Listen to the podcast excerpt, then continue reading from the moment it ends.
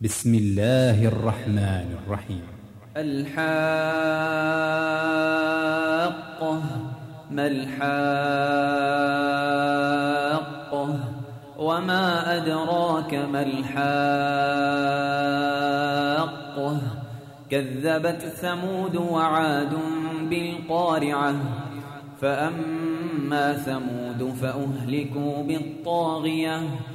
وأما عاد فأهلكوا بريح صرصر عاتية سخرها عليهم سبع ليال وثمانية أيام حسوما فترى القوم فيها صرعا كأنهم أعجاز نخل خاوية فهل ترى لهم من باقية وجاء فرعون ومن قبله والمؤتفكات بالخاطئة.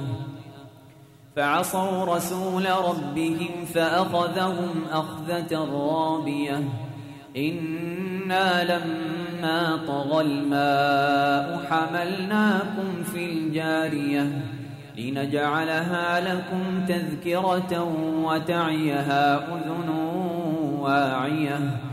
فإذا نفخ في الصور نفخة واحدة وحملت الأرض والجبال فدكتا دكة واحدة فيومئذ وقعت الواقعة وانشقت السماء فهي يومئذ واهية والملك على أرجائها ويحمل عرش ربك فوقهم يومئذ ثمانية. يومئذ تعرضون لا تخفى منكم خافية. فأما من أوتي كتابه بيمينه فيقول هاؤم اقرءوا كتابيه.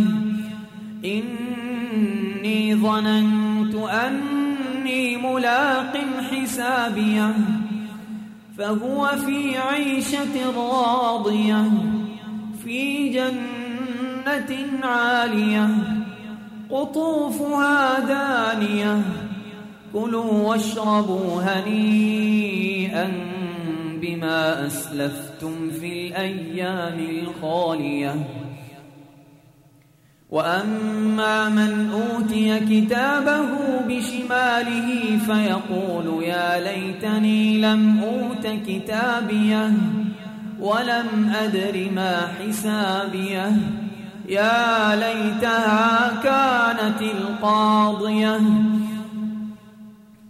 ما أغنى عني ماليه هلك عني سلطانيه. خذوه فغلوه ثم الجحيم صلوه ثم في سلسلة ذرعها سبعون ذراعا فاسلكوه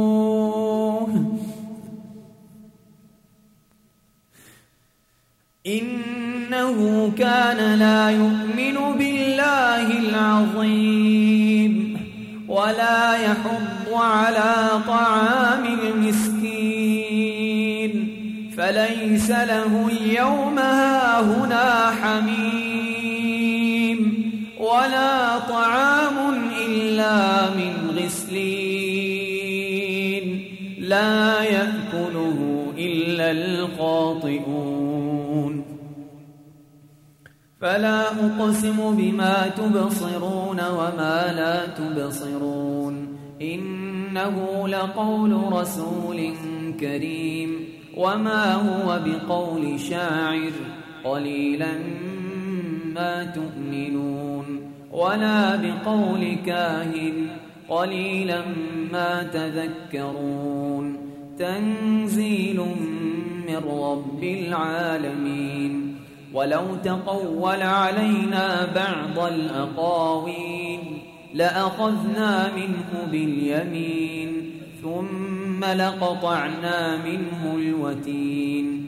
فما منكم من أحد عنه حاجزين. وإنه لتذكرة للمتقين.